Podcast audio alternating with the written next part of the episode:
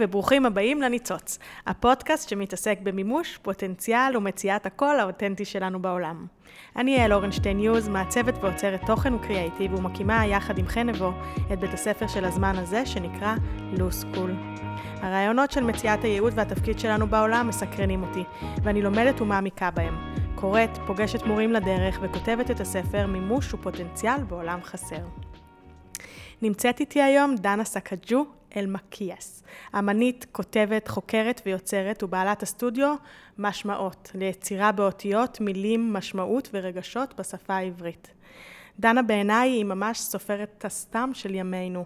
היא יוצרת עבודות פיוטיות שמורכבות ממילים שנכתבות שוב ושוב ושוב, עד שנוצר קידוד מסתורי ועמוק. נדבר היום על הערך של המילים בהן אנחנו בוחרים להשתמש, על עשייה ידנית שבקרוב תהפוך לנוסטלגית, ועל הדרך שמילים משפיעות על מצבי הרוח שלנו. היי דנה. וואו. בוקר וואו, טוב. בוקר טוב. וואי, זה היה ממש מרגש. איזה כיף אה, שאת פה איתנו. וואו, איזה כיף להיות פה במרחב היפה והקסום הזה שאת חיה בו, תודה. ולפגוש אותך גם, אה, בוא נגיד, בפעם הראשונה. מהמם. מרגיש טבעי ונוח ו- וכיף. מדהים. ממש ממש כיף. תודה. אז בואי נתחיל, תספרי לנו עלייך ועל הדרך שלך, אה, שגילית את הניצוץ המיוחד שלך, שהוא מילים. וואו. א', איזה כיף זה כאילו לשמוע שדרכך שזה הניצוץ שלי, וככה באמת לחזק את המקום הזה שזה באמת הניצוץ שלי, המילים. ואם אני אלך יותר אה, רחב, זה השפה. אה, יש לי איזה משפט שאני, ככה קפץ לי במהלך הלימודים שלי בשנקר, אם גוף אה, זאת מילה, אז אני מבינה שאני שפה.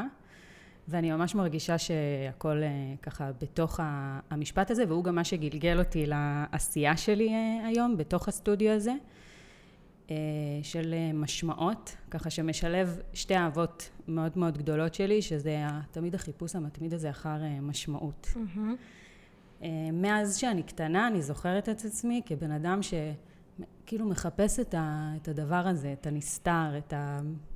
כאילו משהו חסר כזה, החיים שלי היו מדהימים, באמת, מאלה שכאילו הכל סבבה וחברות ומשפחה והכל טוב, אבל תמיד יש איזשהו כזה מין ריק כזה שמחפש אה, להתמלא.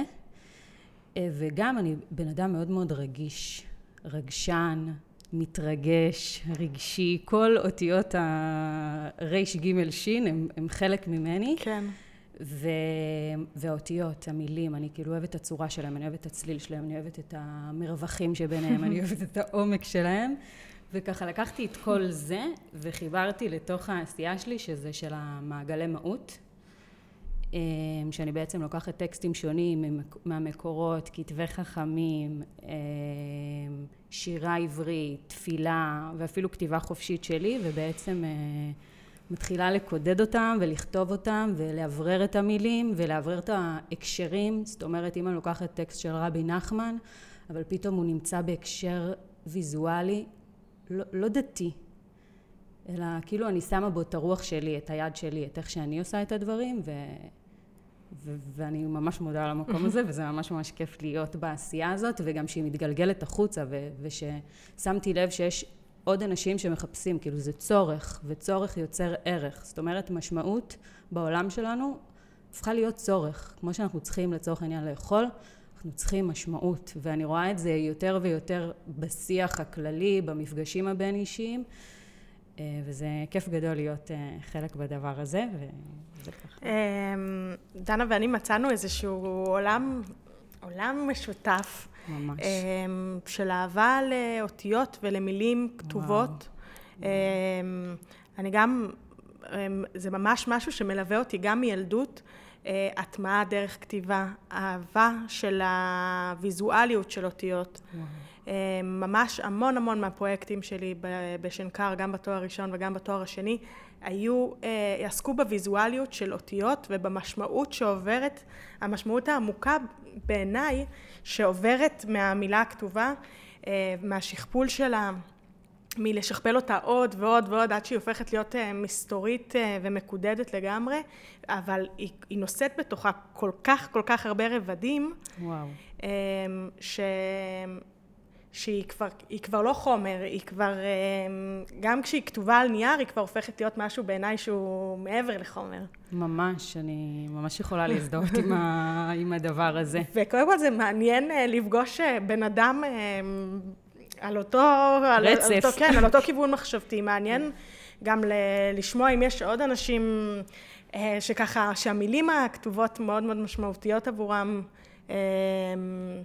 אה, זה מדליק אותי אה, להכיר אותך ולשמוע את הדרך מהחשיבה שלך. וואי, ממש. אני גם מרגישה ככה. כן. שאני פוגשת גם עוד אנשים שמתלהבים בזה באותה רמה, וגם שהם הם, הם מצליחים לראות את, ה, את, ה, את המקום הזה, את, ה, את המופשט שקיים בתוך השפה שלנו. כי בשפה העברית, לא יודעת, לפחות איך שאני זוכרת שלמדתי, זה תמיד כזה אה, בניינים ודקדוק ודיוק כזה בתוך המבנים המאוד אה, מדויקים של דיבור ברור mm-hmm. והגיוני ועל האינטלקט. ו... לי לפני כמה שנים פשוט אה, נפתח מרחב בתוך המוח שפשוט נהיה מלא אוויר ואוורור בתוך ה... הד... בדרך שבה אני קולטת ונושאת את השפה העברית וזה הגיע דרך טקסט של אה, חיים נחמן ביאליק שסיפרתי לך עליו. כן, ספרי לי. אה, שהוא נקרא גילוי וכיסוי בלשון. וואו, אני כאילו... אם זה היה בן אדם, אז וואו, אני, אני מאוהבת בו. כאילו, ב, ב, בטקסט הזה הוא כל כך... אני, אני כאילו לפעמים גם במחשבות רומנטיות, שכאילו ביאליק כתב לי את הטקסט הזה. זאת אומרת שהוא ידע שתבוא נשמה כמוני, שתצטרך ככה איזושהי... אה, איזה הכוונה כזאת, איזה טקסט מנחם כזה, איזה משהו ש... שירגש אותה, שילמד אותה. אני ממש מרגישה שהטקסט הזה לימד אותי המון המון המון דברים על האופן שאני מסתכלת על שפה, חובה שפה. גם uh, דיברנו על משמעות ועל הסטודיו הזה ועל היצירה של המעגלי מהות שאני עושה, הם הגיעו דרך זה, כי מבחינתי הטקסט הזה של ביאליק הוא טקסט עגול. את מצליחה להבין למה אני מתכוונת שאני mm-hmm. אומרת טקסט עגול? כן. זאת אומרת שאני יכולה לחזור אליו כל פעם, בכל שלב, וכל פעם אני אקח ממנו משהו אחר. זאת אומרת, כל פעם הוא ייתן לי איזושהי נקודה אחרת, כי הטקסט נשאר אותו דבר, אבל אני משתנה mm-hmm. בגישה שאני באה אליו. זאת אומרת, כל יום אני אחרת. אז מן הסתם, כל יום אני אקרא טקסט ואני ארגיש אחרת, ומילים אחרות ייגעו בי. ומילים שהיו לי אה, מאוד ברורות בפעם הקודמת, הן פתאום יהיו אולי פחות ברורות או פחות מרגשות. זאת אומרת, כן. הן לא ייגעו בי באותה צורה, כמו שעכשיו אני אקרא מילים אחרות, והן וואו, הן כאילו יעשו לי... מדהים. ירגשו אותי, ו- ואני ממש מרגישה שזה... שזה עזר לי להסתכל על, ה, על, ה, על המילים ברמה שלא לקחת מילים יותר מדי אישי, אבל גם כן להתרגש ממילים. זאת אומרת, כן לקחת אישי, אבל כאילו זה, את, את מכירה את זה שיש, אה, זה, זה בית הפכים? זאת אומרת, מצד אחד זה ככה ומצד אחד זה ככה. כן. את מצליחה להבין למה אני מתכוונת? כן. תקריא לנו איזשהו קטע מתוך הטקסט הזה ש... יו, יש בו כל כך הרבה קטעים כאילו כן. טובים. אבל אני אקרא אחד כזה ש... שוב, זה, הוא, הוא, מהאמצע. יש אז כמה דברים שהגיעו קודם, אבל uh, נתחיל uh, ממנו. אוקיי.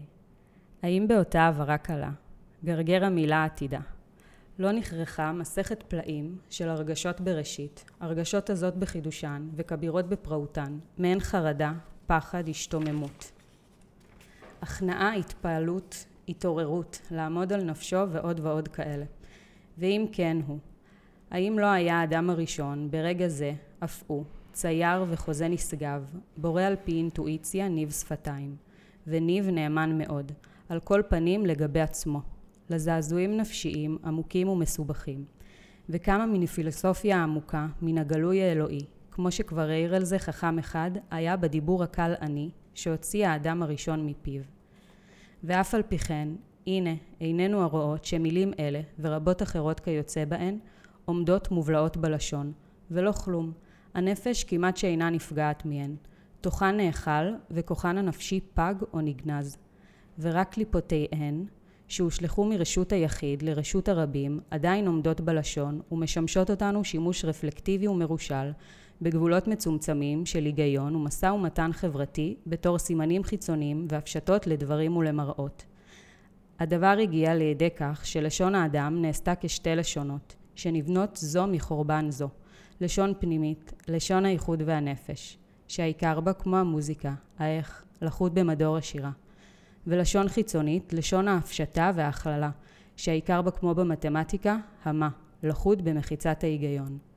ומי יודע, אולי כך יפה לאדם, שיהיה יורש את קליפת המילה, בלא תוכה, כדי שיהיה הוא ממלאה, או מוסיף בה כל פעם מכוחו שלו, ומזריח בה מאור נפשו הוא. זה עושה לי צמרמורת הקטע הזה. אני, אני מגלה, יש לי לאחרונה הרבה מאוד אה, רגעים שיש לי צמרמורת בהם, וזה נהדר. כשיש צמרמורת זה סימן שמשהו הגוף, מתחבר כן. בין, אה, בין כל מיני אה, כן, כאילו הגוף הבנות מרגיש. שלנו, כן, לגמרי.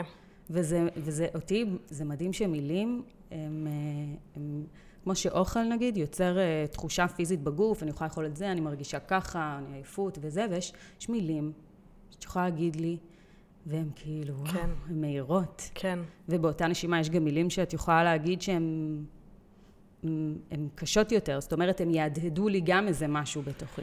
אמ, בואי שנייה נדבר על הנושא הזה, ואז אני רוצה שת, שתפענחי לנו רגע את הטקסט. מאיפה נתחיל? מה, בואי נתחיל מהטקסט. שנייה. אוקיי. תספרי לנו, תס, תסבירי לי, מה- תפענחי לי אותו, כי הוא כל כך מסתורי.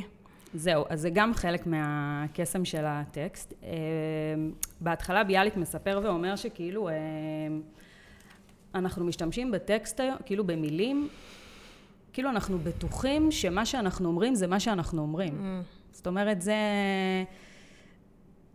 כי זה השימוש של ההכללה. זאת אומרת שאם אתה מדבר לפי גבולות היגיון, אז יבינו אותך, אני אשאל אותך מה שלומך. את, את מבינה את השאלה, את יודעת לתת לי את התשובה, אבל יש את כל העניין של הסאבטקסט, והאופן שאיך את יוצרת את הצירופי מילים.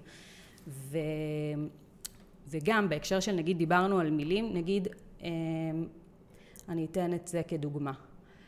אה, פעם יכלו להגיד לי מילה, אה, דנה, את עייפה. והייתי כאילו מתעצבנת. מה, כאילו, למה א', אתה אומר לי שאני עייפה, איך אתה יודע שאני עייפה? כאילו, זה היה ממש אה, מרתיע אותי. כנראה שהייתה בי, כאילו, זה הדהד לי איזה משהו ש... שהפריע לי. וכששמתי לב שזה גם חזר מכל מיני אנשים, הבררתי את המילה הזאת מתוכי, וכאילו פתאום אפשרתי לעצמי להסתכל, נכון, הייתי עייפה, אבל זה כאילו, זה עצבן אותי שמבחוץ אומרים לי שאני עייפה, ואני לא הייתי במודעות כאילו שאני עייפה, אז הם הראו לי איזה, איזה מילה שהדהדה לי משהו על עצמי, ואני מילאתי בתוכה את מה שהייתי צריכה למלא. את, את מצליחה... משמעות אחרת את קיבלת מ- ממה שניסו בעצם להגיד? כן, כאילו אני... הם הביאו לי מילה, היא הדהדה בי כן. משהו, ואז אני כאילו הבנתי את המילה, את המשמעות של עייפות, מה זה, כאילו...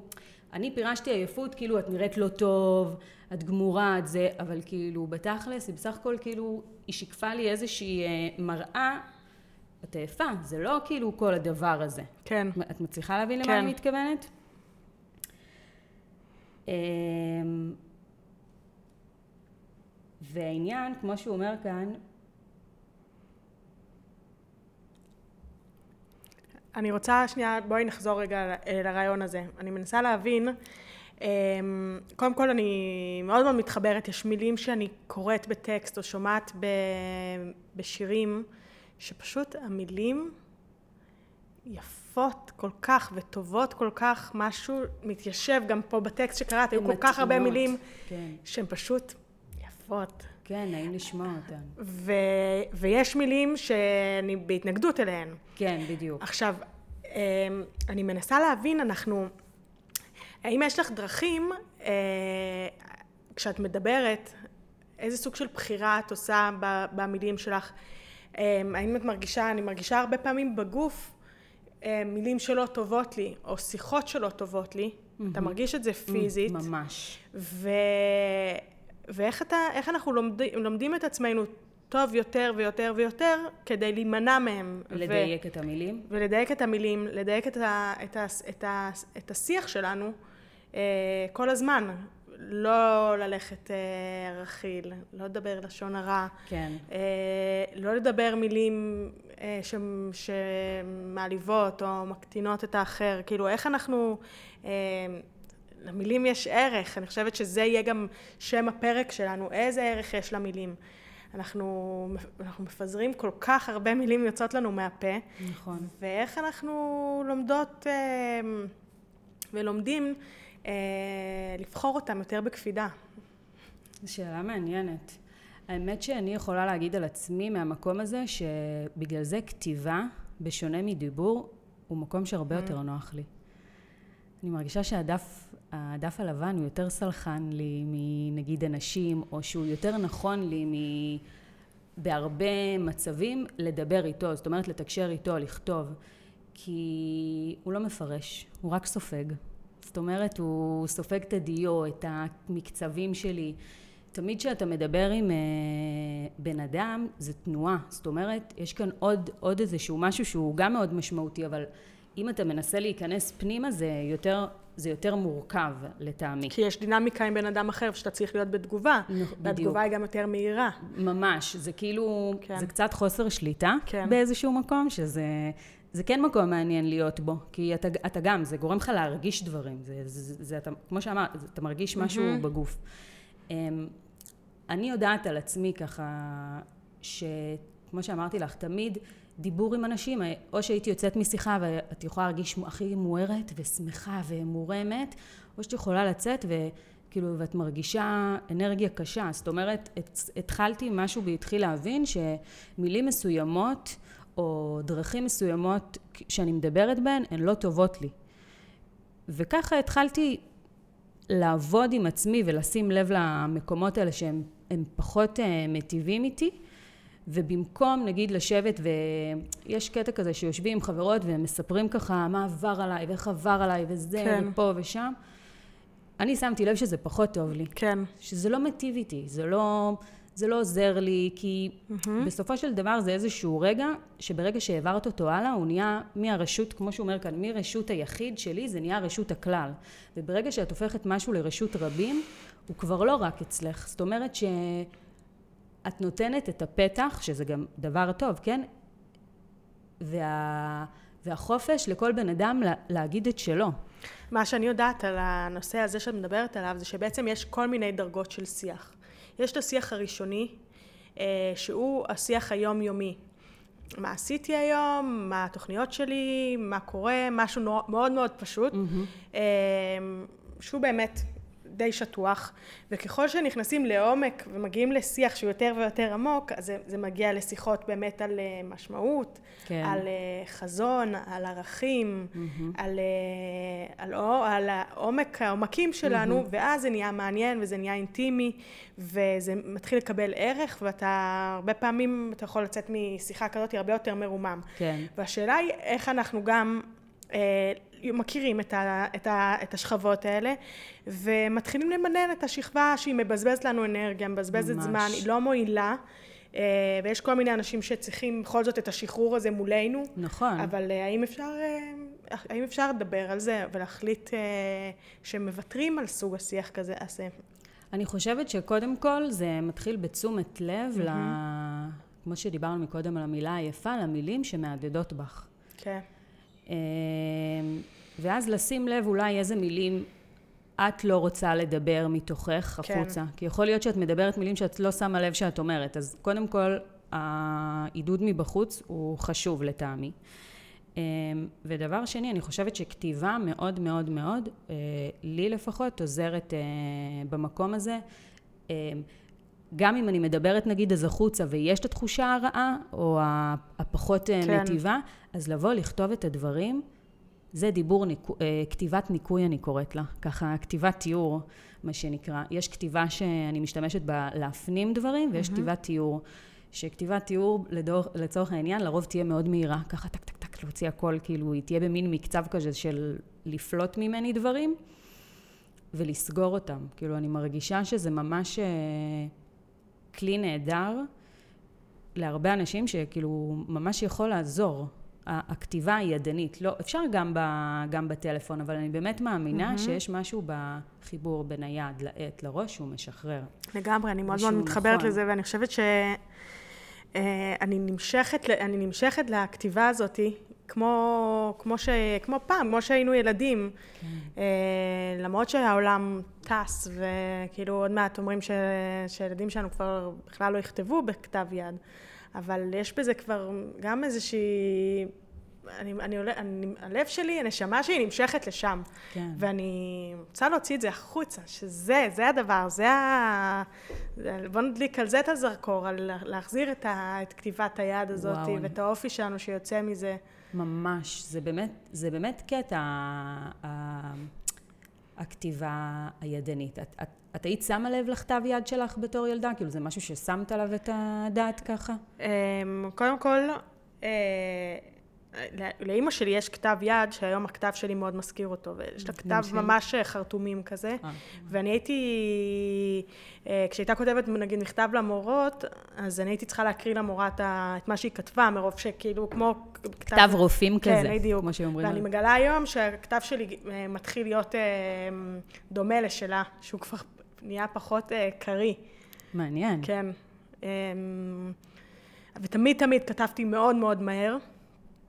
וואו. אני גם חושבת מהר וגם כותבת מהר ומרעידה ממש את השולחן כשאני כותבת וואו. איזשהו משהו... מעניין. כן, אני רואה אצלך שזה איזושהי עבודה כזאת, שזה ממש הכתב שלך הוא כמו ציור, הוא כמו... גם וגם. זאת אומרת, אני נגיד יכולה להגיד על עצמי, מגיל צעיר, יש לי עניינים עם הכתב יד שלי. אמ, כל הזמן משתנה. Mm-hmm. מכירה את הקטע שעושים כזה בדיקות גרפולוגיות, כן. וזה כזה מספר על עצמך משהו? תמיד כזה חששתי מזה, למה... את משתנה כל כן, הזמן. כן, כאילו איך היום היא יכולה להגיד לי דבר אחד, אבל מחר הכתב שלי... כן. היום יש לי איזו הסתכלות ככה אחרת ושונה, שאני מבינה שזה בסדר גם שהגרפולוגית תבוא ותגיד לי דברים מסוימים, כי הם באמת, הדברים שנאמרים הם ספציפיים לאותו יום. Mm-hmm. את, ה, כמו שדיברנו על המילים, זה, זה הכל בתנועה. כאילו הנושא הזה שאנחנו מתעסקות בו, גם המשמעות הוא כל הזמן בתנועה, זה זז, אי אפשר להיאחז. מצד אחד אנחנו רוצות משמעות, אבל אי אפשר גם להיאחז בה, כי היא בתנועה והיא משתנה. ואנחנו כל הזמן, כל הזמן כן. משתנים. אז, אז הכתב יד כן. שלי הוא כמו מראה לעצמי. כן. ככה אני, אני ממש מרגישה. ו... אם אני מסתכלת ככה אחורה בחיים ואני מחברת את הנקודות, כי ככה הכי, כאילו, ככה זה, ככה זה, אמ, אני רואה איך הוא ליווה אותי בכל מיני שלבים אה, בחיים, ואיך איך כאילו זה היה שם משהו, זה לא סתם שאני מתעסקת עכשיו במילים ואני כל כך נהנה, ובכתיבה ובוויזואלית, כי נגיד אני לא מעצבת גרפית, לא למדתי עיצוב, אני לא מעצבת גרפית וגם אני לא רואה את עצמי כמעצבת טקסטיל, אני כזה בין לבין. דנה למדה עיצוב טקסטיל בשנקר, כן. בהתמחות של הריגה. כן, אז אני מאוד לקחתי ערכים מתוך עולם הטקסטיל ואני מכילה אותם בכתיבה שלי. אני אחדד את זה למען כן. האמת, כי זה כן נושא כן. שמעניין אותי, ואני חושבת שהוא יכול ככה גם לתרום לאנשים שאם חווים איזה מחסום כתיבה, mm-hmm. או לא יודעת, חוששים שלא יצא כתב יפה, או הברכה לא תצא משהו, וכאילו כבר נכנעים למחשב או למישהו אחר שיעשה את זה. אמ, אז אה, הנה, בדיבור, חוט המחשבה ככה שנקטע, אבל אה, אני אחזור לזה, זה כן. לטקסטיל, לעולם הטקסטיל. אמ, אלמנטים שממש עוזרים לי בכתיבה, ואולי גם כאילו יעזרו לך ולכם. אה, קודם כל, אפשר לבחור איזושהי מנטרה ולחזור אחרי הכתיבה הרפיטטיבית, אני קוראת לה כתיבה חזרתית. ככה, לכתוב שוב ושוב ושוב, זה לא, כאילו, בשביל לכתוב לא חייבים להיות סופרים, כאילו זה איזשהו מיתוס שאני הרגשתי שמול עצמי ככה פוצצתי אותו והוא פתח לי אה, נהר של אה, יצירה. כי נגיד מאז שאני זוכרת את עצמי אני כותבת יומנים. אבל לא כותבת אה, סיפורים או שיר, את יודעת, לא כזה... כותבת מה אכלתי, מה עשיתי, אמ, ככה על מי שמתי עין, אם זה כאילו ברמה של פעם, כאילו יותר מה עשיתי, דברים כאלה. לא הרגשתי שאני איזה, כאילו תמיד הרגשתי לא מספיק באזור של הכתיבה.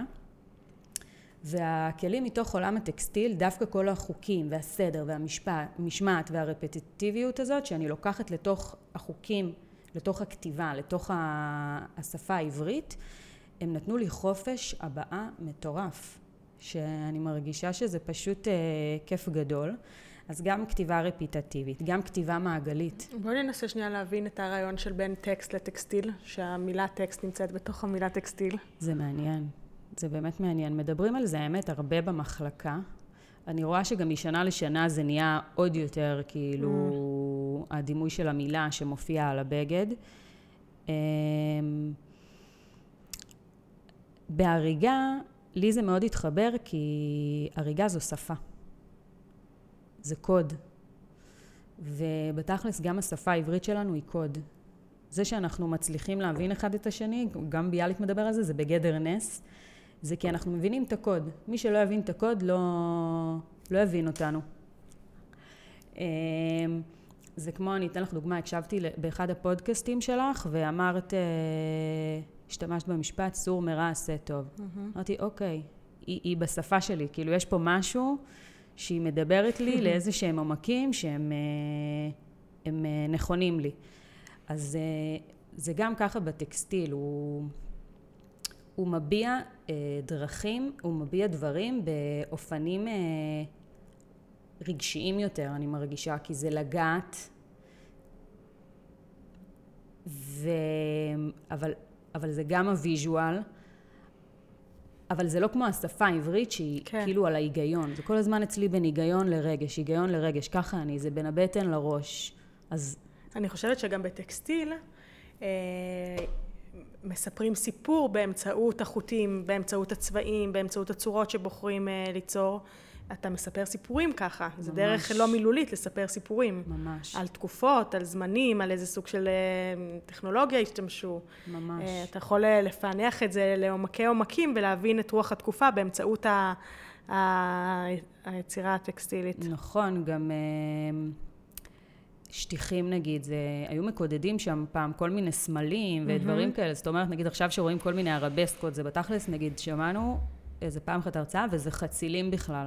שזה זה מצחיק שכאילו מופיע חציל על שטיח, אבל הם כאילו הכניסו כל מיני דימויים מתוך, כמו שאמרת, החברה והתרבות שהם... אה, חיים בה, ואני ממש מרגישה שאני לוקחת את, ה, את הכוח הזה מתוך עולם הטקסטיל ומכניסה אותו לתוך השפה העברית ומוציאה אותה קצת אה, אה, מהלשון ההגיונית. זאת אומרת, לא חובה לרשום מימין לשמאל.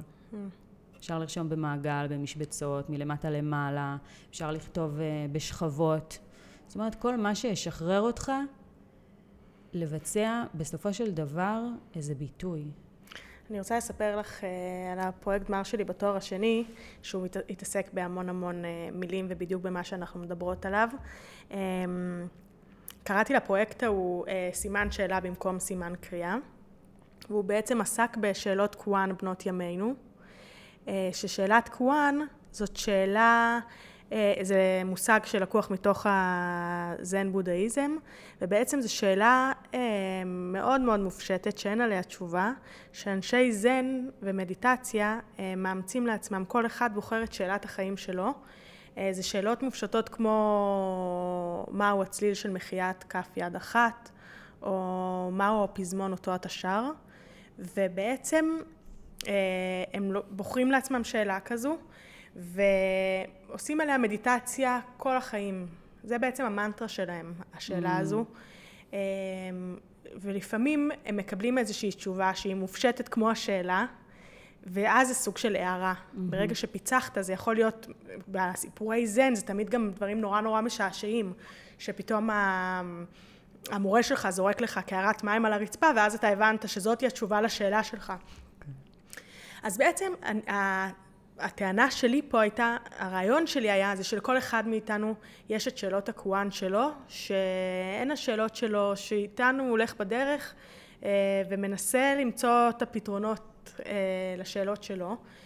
ואני ניגשתי כל מיני ספרים שאני מאוד מאוד אוהבת, שזה ממש ספרי קריאה, ומתוך הטקסטים הוצאתי מעין שאלות, פשוט שהופיעו בתוך הטקסט, כמו אז מה את עושה?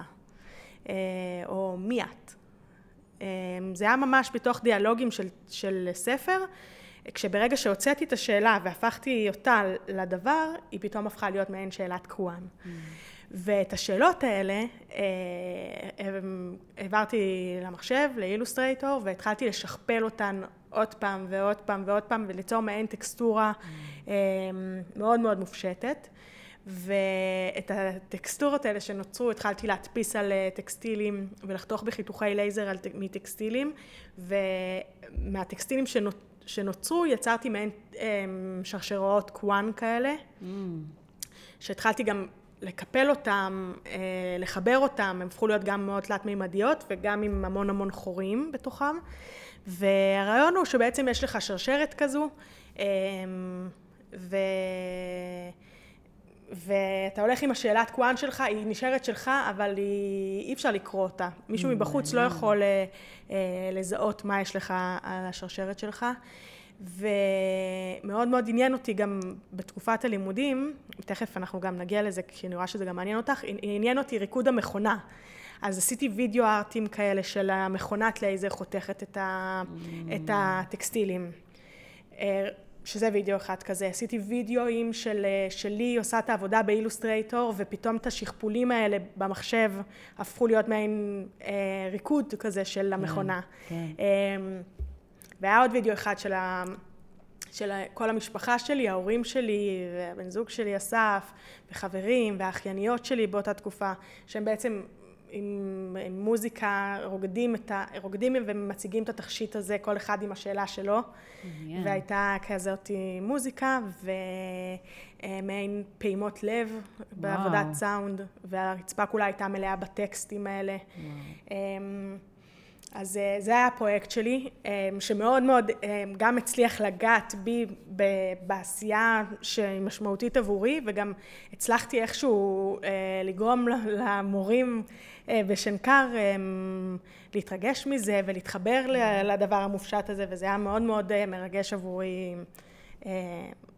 איזה כיף, וואי. איזה, איזה כיף זה לגרום לבן אדם להתרגש.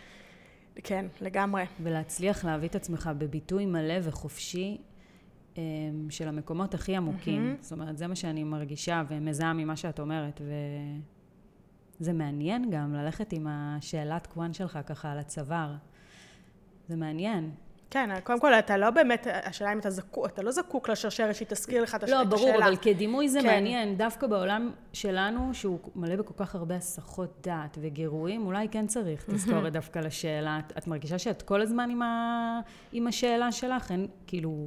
לא, לא כל הזמן, אבל אני מרגישה ש... שיש לי את השאלות שלי שהן טבועות בתוכי. הן כן. הם המחקר שלי, הן המחקר חיים שלי, שכל הזמן אני מביאה אותו לידי ביטוי בדרכים אחרות. מעניין. וככל שאתה... אני חושבת שאתה, ככל שאתה מתעסק דווקא בשאלות שלך, ומנסה לפתור אותן ולהביא mm-hmm. אותן, אותן לידי ביטוי, אז אתה דווקא במקום טוב, כי הן לא נשארות נורא נורא רחוקות ובתוך עצמך. וואי, זה מעניין מה שאת אומרת, כי אותי זה הוביל לנק... כאילו, המקום שנגיד אני יוצרת ממנו, זה לא ידעתי מה השאלות שלי. זאת אומרת, לא ידעתי אפילו שאני אמורה למצוא שאלה, תמיד חשבתי כאילו אני אמורה למצוא תשובה. Mm. זאת אומרת, זה היה כזה, את יודעת, בהקשר של עולם היהדות ועבודת המידות וכאילו תמיד אם כבר הרגשתי שצריך למצוא תשובות. ואז תוך כדי העשייה הזאתי שאחד מהדברים שאני מאוד אוהבת בה זה המרחב האינטואיטיבי שקיים לעבוד עם האינטואיציה עם הטקסט לא לחשוב שהוא צריך להיות הגיוני ו... אלא כמו שאת אומרת לעבוד בשכבות בריפיטים ב... ותוך כדי הדבר הזה הצלחתי כאילו למצוא את השאלות, כי הראש שלי מרוב שאני בן אדם חושב, mm-hmm. ויכול להיות שגם עוד הרבה אנשים ככה, יש לי מחשבה על מחשבה. זאת אומרת. האם מה שאני חושבת זה מה שאני חושבת? אה. כאילו, נגיד אני אומרת, בעבר זה היה ככה, הייתי אומרת כבר משהו, אבל אמרתי אותו כי ידעתי שזה מה שלצורך העניין רוצים לשמוע. ובשביל לנקות את המקום הזה, צריך כתיבה כאילו, אני הייתי צריכה לכתוב הרבה, הרבה, הרבה, הרבה, הרבה בשביל לנקות את עצמי. אני ממש מרגישה שהכתיבה מנקה אותי. תראי, אני חושבת איזה זכות זה עבורך אה, לעסוק, את עוסקת בשאלת חיים שלך. זה מה שאת עושה לדעתי, את, זאת השאלה שלך. מה הערך של המילים ומה המשמעות של המילים בעולם שלך. כן. ואני חושבת ש, שזה שאת כל יום... יושבת וכותבת ומציירת את המילים עוד ועוד ועוד, זה קודם כל זכות שאנחנו, שהרבה אנשים גם לא מרשים לעצמם אה, לעשות בעשייה כזאת לשם העשייה, אה, לשם המחקר, את פשוט כן. חי, חיי אה, מחקר וזה השראה עבורי. פשוט לאפשר, לאפשר לעצמנו, כל אחד והדבר שלו, כי לכל אחד זה בא לידי ביטוי בדרך אחרת. נכון. אבל כשאנחנו כאילו בלימודים כאלה יצירתיים, אז אה, יש לך כל הזמן מישהו ששומע לך, תעשה, אתה אה, מפעיל אותך, ואתה באמת בתקופות כאלה של לימודים. אנחנו, זה מעורר המון המון יצירתיות ועשייה, mm-hmm. עשייה כזו. ואז מה קורה כשנגמר, כשנגמרים הלימודים? כשאתה כאילו נכנס לחיים של גדולים כן. ומתחיל לעבוד. אז אה, יש תקופות שזה שוכח פתאום, ולאנשים כמונו שהם, שיש להם צורך ב, בליצור, כן. זה, נורא, זה מאוד מאוד חשוב עבורנו אה, להמשיך להחיות את זה כל הזמן בתוכנו, כי אחרת מרגישים שמתחילים אה, לנבול. זה נכון, זה נכון. אבל יחד עם זאת, אני חייבת להודות שגם הרבה פעמים, בגלל שאני מתעסקת במילים, אז זה תמיד על הגבול, האם אני עכשיו, איפה אני יותר, בהיגיון או ברגש? מבינה מה אני מנסה להגיד? גם בתוך החוויה הזאת שהיא מאוד חופשית ויצירתית בעיניי, כאילו ובעשייה שלי, אני כן. עדיין יכולה ליפול לפאטרן כאילו שאתה עושה בשביל לעשות, ולא בשביל uh, להיפתח למשהו uh, חדש וללמוד ממנו. אני חושבת שגם מה שמקודם דיברנו לפני שהתחלנו את השיחה, זה באיזשהו שלב בלימודים בשנקר, אמ, כנראה ככל שאתה מתבגר גם, ואתה מתחיל לייצר לעצמך עמוד שדרה, אתה פחות עובד על לרצות את המורים. Mm-hmm. את דיברת על זה בהקשר של מתי הייתה לך עבודה שהצליחה לגעת. Mm-hmm. ואני זוכרת שהיה לי איזשהו שלב קפיצת מדרגה כזאת. אני עושה למען העשייה, ולא למען הריצוי. כן. ואני חושבת שזה מאוד מאוד חזק לשים לב לזה נכון. בכל היבטי החיים, מתי אנחנו בריצוי ומתי אנחנו ממש. אה, מביאים פשוט את עצמנו לידי ביטוי. ממש, להיות בחדוות היצירה. כן. איזה דבר זה להיות בחדוות היצירה. והאמת היא שכן, מהכתיבה אני מביאה את זה לעוד הרבה מקומות, את השקט שאני מוצאת בכתיבה. אני מביאה לדרך שאני חותכת את הצנון, שפתאום אני כאילו חותכת אותו ואני רואה את הצבעוניות הוורודה שיש בפנים. כן. זאת אומרת, את מסתכלת על החיים, האתה בכתיבה מאפשרת לי להסתכל על החיים באופן, אה, כאילו לאפשר לעצמי. זה שיש לי את הכתיבה שאני עושה שם, את כל היצירה הזאת, היא נותנת לי ביטחון. להתבונן בחיים גם בצורה הזאת ו- ומרחב לעשות את זה. כי אני, אני לא תמיד הייתי ככה, אני הייתי מאוד, אה, יאללה, מה צריך לעשות, ואיזה דברים להשיג, ואני רוצה, כאילו, אתה רוצה להגשים את עצמך, אבל כאילו גם, מה זה אומר להגשים את עצמך? כן. זאת אומרת, מה, הפרמ... האם אתה מסתכל חיצוני או פנימי? Mm-hmm. כי לצורך העניין, אני מאוד מגשימה את עצמי, אבל אתה רוצה עוד, תמיד כאילו יש עוד איזשהו משהו שאתה רוצה, אבל זה חלק מהתהליך ואתה, כאילו, אני מרגישה ששוב, דרך הכתיבה, זה כל הזמן חוזר לכתיבה, אמ, אני לומדת את עצמי, ו, וזה כלי ככה ש, שבא לי שהוא כן יחזור קצת. זאת אומרת שאנשים כן ייקחו עטים ויכתבו קצת את עצמם. לגמרי. וזה צריך להיות איזה משהו גבוה. זה יכול להיות גם קנקן זכוכית, כוס זכוכית, אני ואת כאן. כאילו כמו הייקו כזה, כן. שכאילו מתארים את הרגע, ובזה שאתה מתאר את הרגע, אתה כבר ברגע. מדהים. וזו כאילו נראה לי הזכות הכי, הכי כיפית בשימוש בשפה שלנו, כי, ובדיבור נגיד, בינינו בכלל, זה שם אותנו ברגע הזה, mm-hmm. בכאן ועכשיו, ו... וזה כיף גדול כאילו להיות ב... בכאן ועכשיו שלנו, אני מרגישה, ולהתחבר לרגש כן. דרך המילים. ואני גם ממש ממש מרגישה שאנחנו צריכים להתאמן על זה. אנחנו ממש. מפספסים, אני מרגישה שאני פשוט מפספסת כל כך הרבה כשאני, בכל ההסחות דת שמקיפות אותי, שכשאני כבר אה, מצליחה לראות את היופי, אז זה, זה מאוד מאוד מרגש, וזה נכון. מסביבנו רק כאילו לפקוח את העיניים ולמצוא כל מיני טכניקות. בדיוק. ל, אה, לראות את היופי שקיים מסביבנו. ממש. אה, כל אחד גם גם אם אתה מצלם את היופי, כן. זה גם ממסגר אותו באיזושהי מסגרת uh, של זמן שנשארת לך בזיכרון. Um, לגמרי, זה, זה מה שאמרתי לך מקודם, שיש לנו צורך לתעד כבני אדם, mm-hmm. אני חושבת, במיוחד בשנים האחרונות, ולתעד וגם לשתף. כן.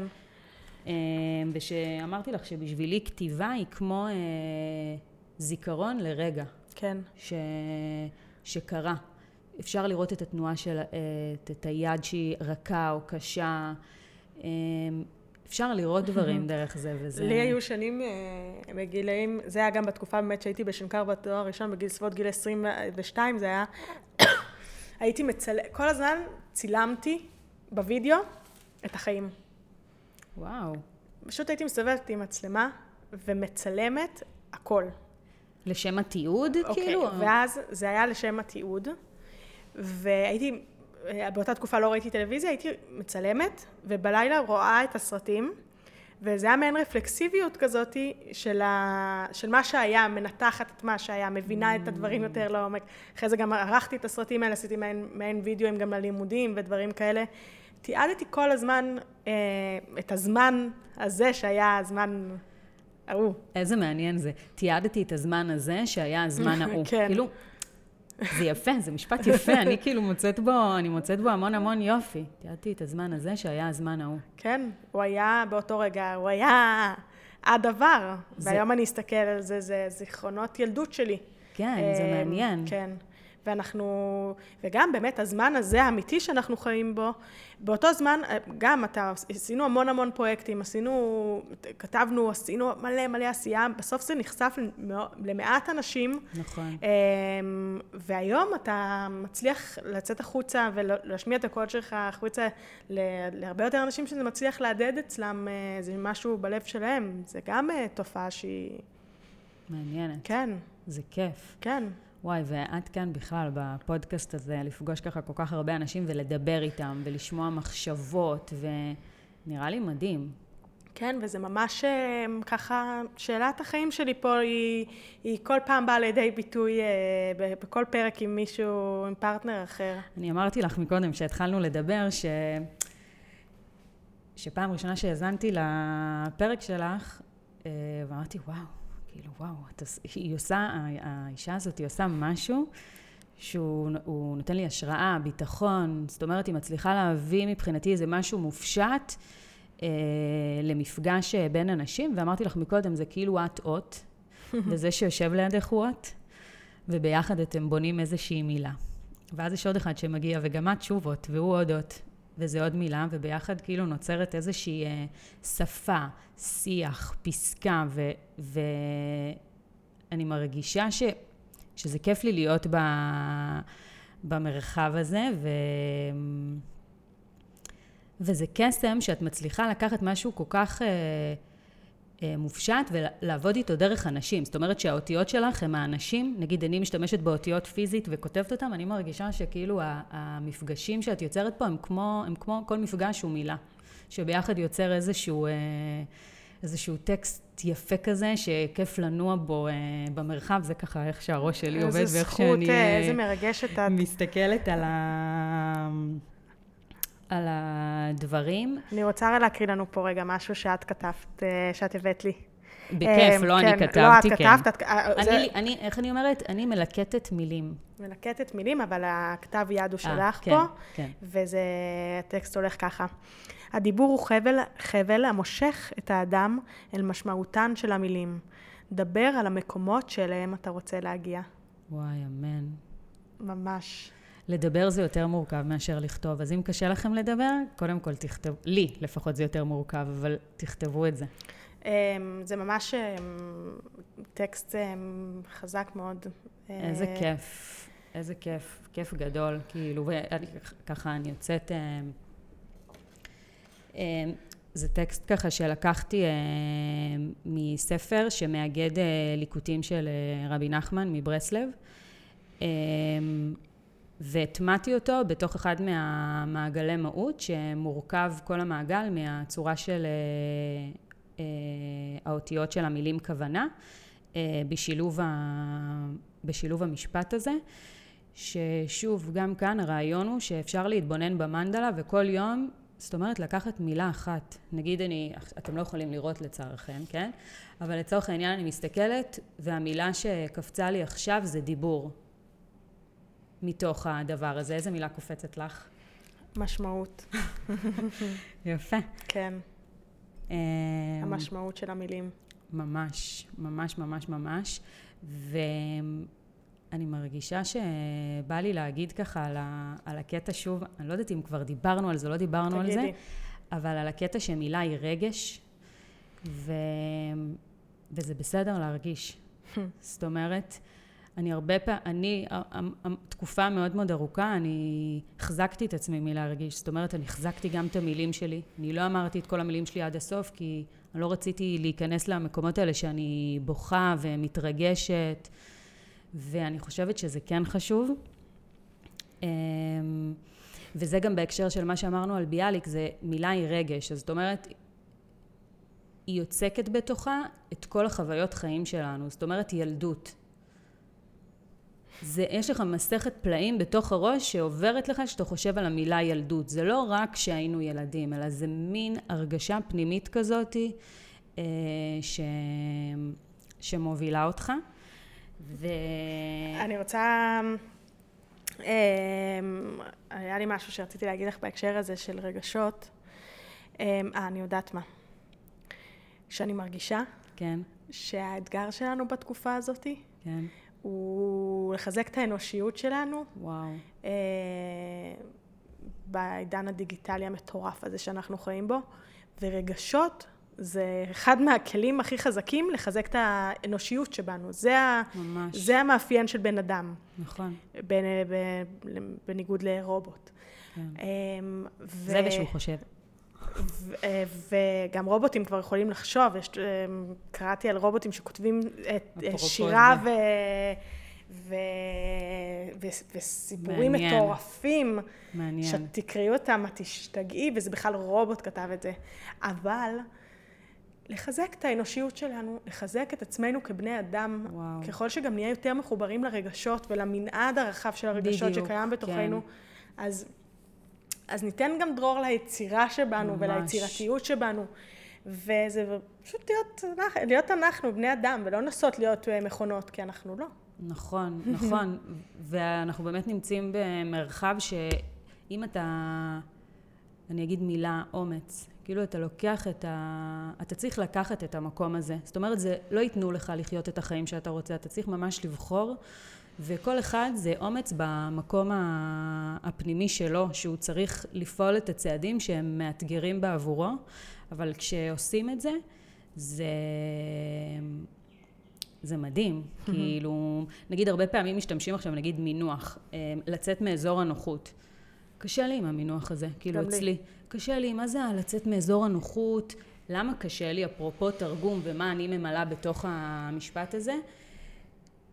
אמ, לצאת מאזור הנוחות, זאת אומרת, אני תמיד מפרשת את זה כאנשים ככה מצליחנים, שיוצאים מתוך האזור הנוחות שלהם ועושים איזה משהו, ואני כאילו, ככה הטמעתי במילים הזה משהו אחר, כאילו במילים האלה משהו אחר, למה, למה אני כל הזמן צריכה כאילו לחשוב שאני צריכה לעשות יותר ממה שאני עושה? Mm-hmm. למה מה שאני עושה הוא לא מספיק?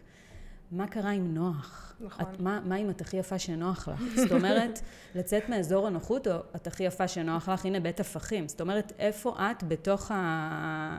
הריינג' הזה, וכאילו איך המילים, איך את מפרשנת את המילים, איך את נוגעת במשמעות שלהם. אמ, אז קשה לי עם, עם הדבר להגיד לאנשים לצאת מאזור הנוחות. תרגישו מהו אזור הנוחות שלכם, תרגישו מהו לא אזור הנוחות שלכם, תרגישו. זאת אומרת, תיתנו לעצמכם להרגיש, להביע, לבטא, להשמיע קול, לספר סיפור, לפגוש אנשים, לחוות חוויות, לכתוב, לקרוא, לשיר, לרקוד, זה, זה כיף. כן, זה כיף להרחיב מה... את האזור הזה. כן, כן. לא, לא לרצות לא, להיות במקום אחר. לא לצאת, לא לצאת מתוך הנחה שהאזור שאת נמצאת בו עכשיו הוא לא טוב. לגמרי. זאת אומרת, לצאת מאזור הנוחות, איך שאני מפרשת את זה, זה שוב, זה תמיד מאוד אישי, זה כאילו, מה שאת עושה לא טוב. כן. תצאי, את עושה לא מספיק. כן. תצאי מהאזור הזה. אבל, ושוב אני ככה, ככה מתגוננת ואומרת, זה הפרשנות שלי. ברור. אני אומרת, תרגישי נוח, תצרי, תקבלי ביטחון מתוך אזור הנוחות שלך ותרחיבי ותתגלגלי, ואיך את אומרת, תשגשגי, תעש, תעשי, לא מתוך השלילי. לא מתוך הרצון להיות משהו אחר, או, או במקום אחר אה, שמנותק מהמקום עכשיו. כן, מה, הנוח הוא טוב. אני מתחברת לזה מאוד. הנוח הוא טוב, נוח זו גם מילה יפה. נוח תגידי, זה ת, מקסים. תקשיבי, נוח. נעים, נכון. נעים להגיד אותה. נוח, נוח לי. וזה בסדר שנוח לי. לגמרי. ואני רוצה שיהיה לי נוח, וחיים נוחים הם חיים טובים. ואם לפעמים מגיע דברים לא נוחים, אז, אז תהיי גמישה. באחד השיעורים של, של אה, חשיבה הכרתית שלמדתי, אה, היה שיעור שנקרא תפסיקי להתאמץ. Mm.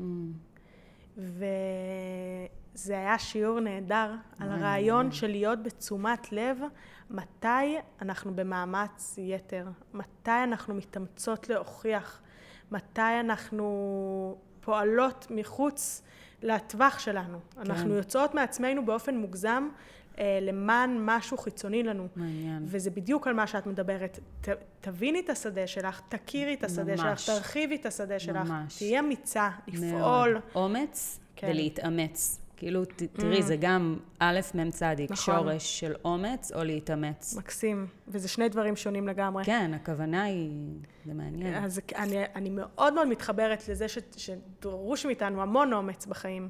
מאוד. ואנחנו כל, כל הזמן במעין קפיצות מדרגה כאלה. אבל להיות ערניות למתי אנחנו יוצאות מעצמנו. ממש, לשים לב לפרטים הקטנים, לאותיות. זה כיף, זה ממש כיף גדול. לגמרי. וואי, הייתי רוצה להקריא, זה קטע מסרט שאני ממש ממש אוהבת. כן. שהוא פעם ראשונה ששמעתי אותו, ממש, גם, זה היה כמו ביאליק, שבכיתי כזה, מהתרגשות, עצרתי את ה... את כן. הטלוויזיה כן. ככה, זה היה ב-yes, וכזה, מה?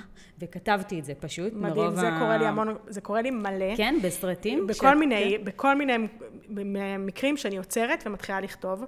ואני רוצה שנייה גם לתת לך הגדרה לדבר הזה שקרה לך, הוא נקרא פונקטום. Mm, איך? אה, פונקטום. פונקטום? כן. אמ, זה בעצם אה, תיאוריה שהיא באה מעולמות הצילום של סטודיום ופונקטום. תכף אני אזכר, אה, של רולנד בארט, mm. התיאוריה הזאתי, שבעצם אנחנו, הסטודיום זה מה ש, שקורה, יש מלא מלא גירויים, יש. מלא דברים שמצטלמים. יש דבר, מלא דברים שהעין שלנו קולטת אותה, אותם. ופונקטום זה הרגע הזה בצילום שהוא מייצר איזשהו משהו שאתה מתעכב עליו. Mm. ואני לוקחת את זה החוצה כבר מעולמות הצילום, ואני מרגישה את זה באופן כללי על החיים. אה, אנחנו רואים המון המון המון גירויים, המון דברים, ויש רגע אחד שאיזשהו טקסט מצליח לגעת לנו במיתרי הנפש, ואז עולות דמעות, או שאת וואו. רוצה לכתוב אותו. כן. וזה הרגע של הפונקטום, ואיזה מרגש זה אה, פתאום שיש טקסטים ככה שנוגעים בך, וואו. ומהדהדים איזשהו קול פנימי. וואו, זה, אין, זה הדבר הכי מדהים, באמת. בקטע הזה נגיד, אה, כל נושא היהדות, כאילו, יש שם משהו. זאת אומרת, יש, יש משהו, ב, תחשבי שאתה קם כל בוקר ואתה קורא מילים ככה... שהן נכנסות אליך ואתה כל פעם יכול להתעכב על זה, זה מעניין. אם זה מילים שאתה מאוד אוהב כן, אותן. כן, מתחבר. כן, אם זה מילים שנוגעות לך, אז כן, נהדר. כן, כן, לא יודעת למה זה קפץ לי עכשיו. אז תספרי על החוויה שלך עם הסרט, כן. זהו, אז זה מהסרט ער באנגלית, E, עם אה, חואקין פיניקס, כן. שהוא uh, מתאהב במערכת ההפעלה שלו. אני זוכרת שבזמנו כשראיתי את הסרט, אני הייתי בסוף פרויקט הגמר שלי, ואני ממש הרגשתי שאני באיזושהי מערכת יחסים עם מנעול. זאת אומרת, אני פיתחתי שם אה, יחסים, ומאוד הזדהיתי עם אה, מה שקרה, אבל דווקא אני הרגשתי פה משהו מעניין. זה בעצם אה, קטע שמערכת ההפעלה, שמבוססת על סך כל האינטואיציות שקיימות בעולם, נפרדת מהבן אדם. וזה מה שהיא אומרת לו. הנחתי לכל מה שנאחזתי בו כל כך. אין לי סיבה אינטלקטואלית. אני סומכת על הרגשות שלי. אני לא אנסה להיות שום דבר מעבר למה שאני. אני חווה רגשות חדשים, שאף אחד לא חווה לפני, ככה שאין מילים לתאר אותם. כשהלב אוהב ומתרחב, אני שונה. זה גורם לי לאהוב אותך יותר. אני שלך ואני לא שלך. זה כאילו שאני קוראת ספר, וזה ספר שאני ממש ממש אוהבת, ואני קוראת אותו ממש לאט. המילים רחוקות זו מזו והמרווחים אינסופיים. כמעט. אני יכולה להרגיש אותך ואת המילים של הסיפור שלנו, אבל אני מוצאת את עצמי בחלל האינסופי שבין המילים, מקום שלא קיים בעולם המוחשי. זהו המקום בו קיים כל השאר שלא ידעתי שקיים. מדהים, זה מדהים. כאילו, אימא'לה, הטקסט, אימא'לה, אימא'לה, אני כאילו... אני לא, אני לא מבינה אותו, הוא רק, כאילו, אני, אני, הוא מרגש אותי, פשוט עושה לי צמרמורות, וכיף לי ונעים לי, והלוואי והוא ככה יעשה לעוד אנשים נעים. טקסט אה, חזק מאוד. נכון? מאוד. דנה, אנחנו לקראת סיום. ואני רוצה להודות לך, ועל החוכמה שבך, ועל המילים הטובות שיוצאות ממך. ואני רוצה להודות לכל מי שהיה פה איתנו היום, ולבקש מכם שאם הניצוץ הזה הדהד אצלכם ונתן לכם ערך ונגע נגע בכם, אז תפיצו אותו הלאה ותעזרו לנו להפיץ את הניצוצות האלה של המחשבה ושל המילים ושל הרעיונות החדשים שלנו אה, הלאה לעולם. ולהודות לך שהיית איתי פה היום. וואי, תודה לך שאירחת אותי והזמנת אותי למקום הכל כך יפה הזה, וגם למרחב הווירטואלי היפה הזה. איזה כיף. וכיף, כיף גדול. תודה, תודה. תודה אנחנו תודה נתראה בניצוץ הבא. ביי.